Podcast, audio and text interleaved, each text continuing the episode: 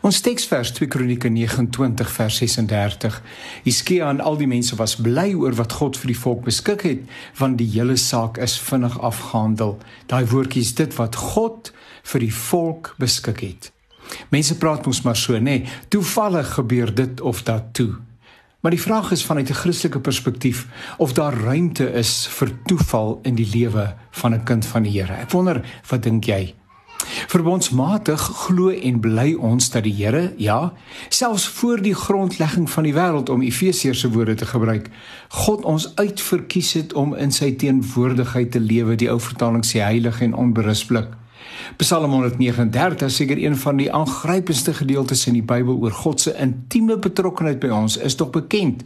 Daar staan dis nog nie eens 'n woord op my tong nie. Daar's nog nie eens 'n gedagte wat by my opkom nie. U weet dit alles. Of ek sit en of ek staan of ek nou ja, julle ken daai gedeelte baie goed.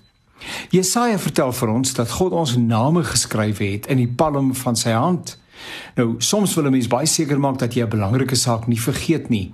En dan maak jy sommer 'n aantekening in jou hand. Ek weet nie of jy dit al gedoen het nie, sodat wanneer jy jou hand oopmaak, o ja, wag 'n bietjie, hierdie saak moet ek nie vergeet nie en word jy daaraan daaraan herinner. Nou natuurlik wanneer die Bybel praat van God het ons sy ons name in sy handpalm gegraveer, dan is dit net beeldspraak want God het nie hande en voete en arms nie, God is gees, maar beteken doodgewoon die Here vergeet ons nie. Ek het jou by die naam geroep, jy is myne. En so kan 'n mens na verskeie skrifgedeeltes verwys waar God se noue en intieme betrokkenheid by sy kinders bevestig word.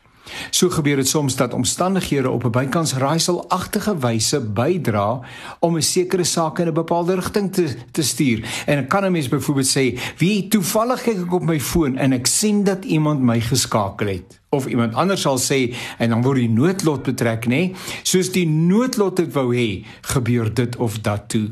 Nee, ek weet nie. Ek verkies maar om uit die genadige voorsiening van God te lewe, oomblik vir oomblik, geen toeval nie. Ek verkies om te glo dat niks, maar niks sonder sy wil gebeur nie, selfs al verstaan ek dit dikwels nie. Trouwens die Bybel sê tog dat die hare op ons hoof getel is en dat ons baie meer werd is as mossies en dat alles ten goeie meewerk vir die wat hom liefhet. Ek dink dis baie veiliger in die hand van die Here as in die hande van toeval en die noodlot. Soos mense baie keer sê, die enigste toevallig, nê, nee, waarvoor daar ruimte is in die lewe van 'n kind van die Here is, is natuurlik toeval die lig. Dis die lig wat ons nodig het en dan kan ons maar sê toevallig as die Here vir ons die perspektief en die wysheid gegee het.